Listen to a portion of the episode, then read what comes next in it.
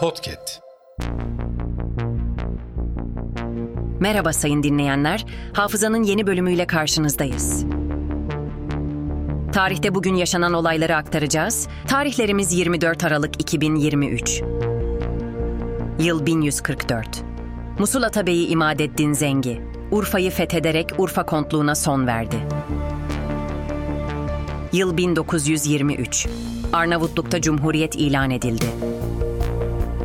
Yıl 1941. İkinci Dünya Savaşı'nda Hong Kong, Japonların eline geçti.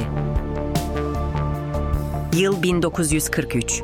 ABD Başkanı Franklin Roosevelt, General Dwight Eisenhower'ı Müttefik Kuvvetler Komutanlığı'na atadı. Yıl 1963. TRT kanunu kabul edildi.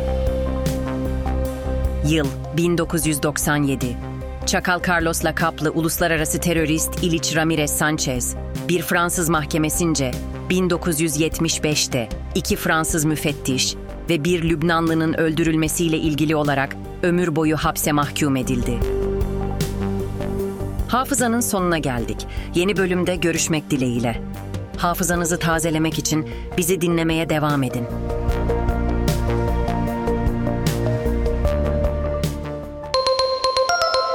Podcast.